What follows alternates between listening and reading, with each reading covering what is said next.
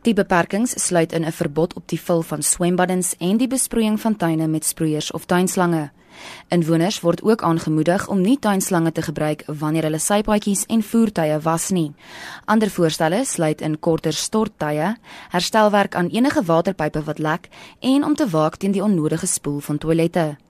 Dr Kakaza is 'n lid van die Ekurhuleni Burgemeesterskomitee vir water en energie. When you are caught watering your garden during the day, a fine of about 6195 will be imposed and business up to 12,000 rands that you would have to pay when uh, caught violating some of uh, these measures.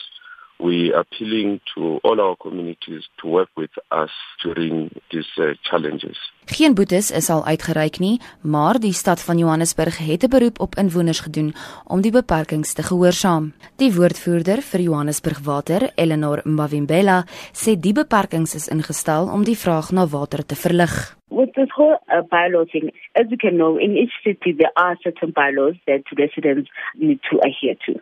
And at the moment, we've, we've, asked residents to please assist us. We're actually appealing first to the good nature of the residents of the city of Johannesburg to say that please adhere to these certain restrictions and so that we can reduce the demand of water. No, no one at the moment has been fined or anything, but we want to appeal to the good nature of people first. Sy sê ondernemings wat karre was, moet eerder emmers water gebruik in plaas van tuinslange. In terms of car washes, we do understand that it puts a bread on people's table. I mean, it's, it's how people, some people make a living. So we're just appealing to those people with car washes to at least use a bucket instead of a hose pipe when they're washing a car. So that's how we, we've also been advising residents in the in the city of Johannesburg. Don't wash. We're not saying don't wash your car completely. We're saying use a bucket. Instead of using a hose pipe to wash a car. Intussen, te midde van die huidige watertekort, is duisende liters water gemors nadat 'n reservoir gisteroggend in Midrand oorvloei het.